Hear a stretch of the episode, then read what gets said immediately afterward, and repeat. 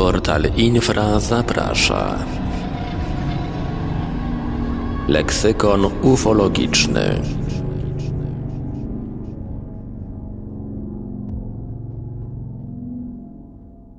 Witam w kolejnym odcinku Leksykonu Ufologicznego. Mówi Michał Kuśnierz, serwis www.infra.org.pl W odcinku o bliskich spotkaniach wspomniałem o kategorii CE4, uznawaną przez niektórych ufologów za godną osobnego rozpatrzenia. Przypomnę, że CE4, czyli bliskie spotkania czwartego stopnia, to przypadki, kiedy ludzie wbrew swojej woli, zazwyczaj podczas snu, porywani są przez pasażerów UFO i trafiają do dziwnych miejsc, przypominających medyczne laboratoria, gdzie poddawani są rozmaitym zabiegom. Dzisiejszy odcinek poświęcimy właśnie temu zagadkowemu fenomenowi, czyli dzisiaj będzie C jak czwarty stopień bliskich spotkań z UFO. Czy mówiąc o uprowadzeniach y, przez ufologów zwanych abdukcjami, mamy do czynienia z realnym, ale bardzo ulotnym zjawiskiem rozgrywającym się poza sferami, w których na co dzień funkcjonujemy, czy też może jest to spory worek, na dnie którego leżą najciekawsze przypadki, zawalone jednak niestety od góry absurdami, wymysłami i mitami. Ufologia jako dziedzinę paranaukową cechuje pewna zdolność do tworzenia legend, funkcjonujących później jako domniemane fakty. Nie inaczej jest ze zjawiskiem abdukcji. Gdyby postawić grubą kreskę pod kilkoma dekadami badań nad abdukcjami, to co otrzymamy? Na początku będzie to chaos. Chaos informacyjny, co zresztą w ufologii powszechny.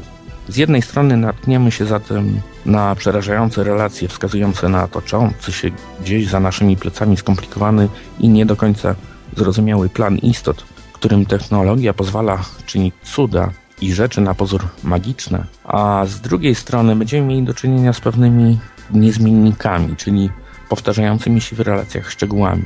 Wreszcie natkniemy się na podstawowy problem delikatną ludzką psychikę. Musimy zdawać sobie sprawę z ogromnego zróżnicowania przypadków. Po kontrowersyjnych doświadczeniach Betty i Barneya Hillów wiele osób zaczęło donosić o przykrych doznaniach niechcianego i wymuszonego kontaktu z wątłymi istotami powszechnie zwanymi obecnie szarakami.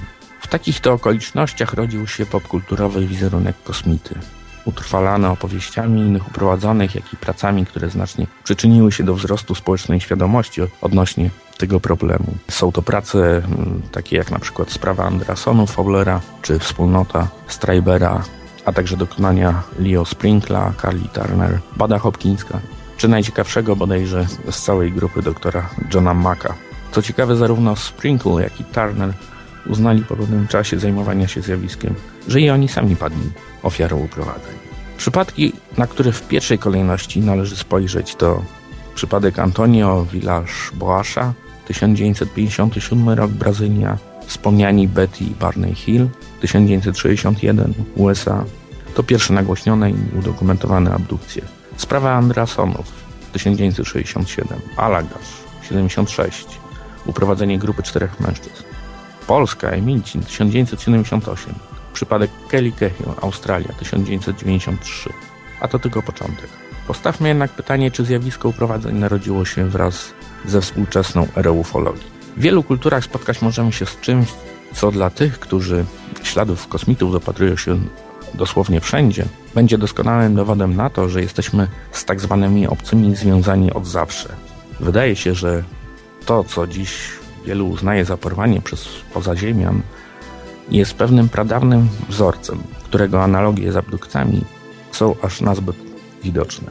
Można powołać się tu na liczne przypadki wymiany między światami, to jest między światem ziemskim a nadprzyrodzonym, dokonywanymi nie tylko przez osoby do tego predysponowane, jak magowie czy szamani, ale również przez tych, którzy przypadkowo zostali w cudzysłowie uprowadzeni przez istoty magiczne, czy też demoniczne do innej rzeczywistości, z której wracali już całkiem zmienieni. Warto powołać się tu na nasz rodzimy przykład. W wierzeniach Słowian pojawiło się wiele wspomnień o abdukcjach dokonanych przez boginki, tudzież inne stworzenia nieprzynależne temu światu. Tak było w przypadku tzw. Tak podrzutków, które były podmieniane przez boginki na miejsce ludzkich dzieci.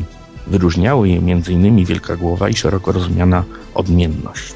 Jeszcze inną sprawą jest pewien wewnętrzny podział przypadków uprowadzeń przez kosmitów. Bardzo wielu z nich świadek donosi że w czasie trwania incydentu znajdował się w zmienionym stanie świadomości, lub też jego wspomnienia z incydentu zostały ukryte lub zagłuszone i mogły wyjść na światło dzienne jedynie dzięki zastosowaniu hipnozy. A czy ta stanowi wiarygodny sposób badania i odzyskiwania wspomnień, które zostały głęboko zakopane w świadomości świadków? Z pewnością nie.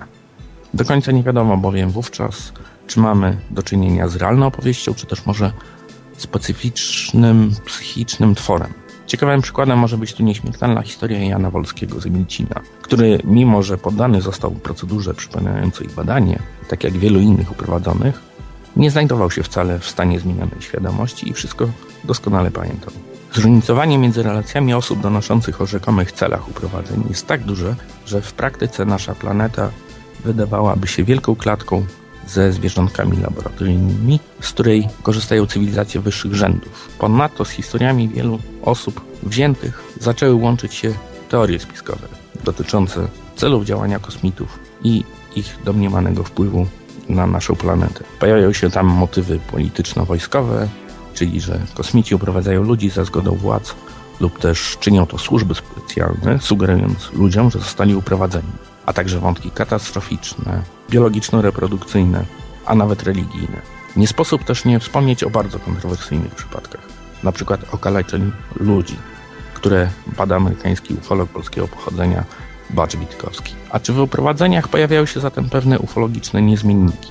I tak i nie. Jeśli przeanalizujemy wiele relacji, dostrzeżemy rzeczywiście pewne podobieństwa w przebiegu czy też w wyglądzie porywaczy. Nie są to jednak niezmienniki, a swego rodzaju forma, w którą wtłoczone są opowieści o prowadzeniach. Choć dodatkowych analiz wymaga tu z pewnością kwestia tego, kto ją zaszczepił i jak wpływa ona na tak zwany UFO folklor. Jeśli chodzi o różnice w wyglądzie, zachowaniu i celach rzekomych kosmitów, są one tak duże, że nie będzie wielce przesadnym stwierdzenie, że każdy przypadek jest inny. Albo kosmici za każdym razem mówią coś innego, albo od umysłu świadka zależy w tych przypadkach znacznie więcej niż nam się wydaje.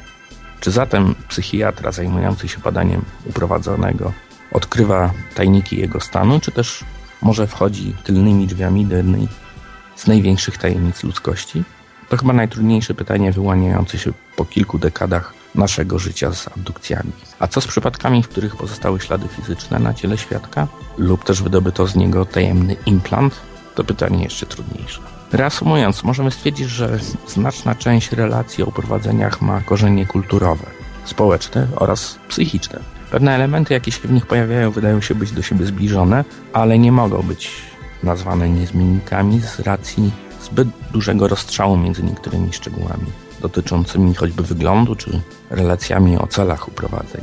Zwraca nam to uwagę na problem korzeni zjawiska abdukcji rozpatrywanego w ramach współczesnej legendy. W zbliżonych kategoriach rozważać należy powiązanie zjawiska abdukcji ze sferą ezoteryki, magii oraz wierzeń. Pozostaje kwestia marginalizacji tego zjawiska i traktowania problemów osób mówiących o swych często traumatycznych doświadczeniach jako nieistniejących. Czy za kilka dekad wiedzieć będziemy więcej o tym zjawisku?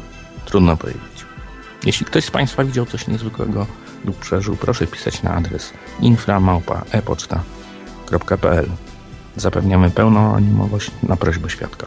Zapraszam do słuchania kolejnego odcinka leksykonu ufologicznego oraz lektury naszych artykułów, także właśnie o prowadzeniach na stronie www.infra.org.pl. Do usłyszenia.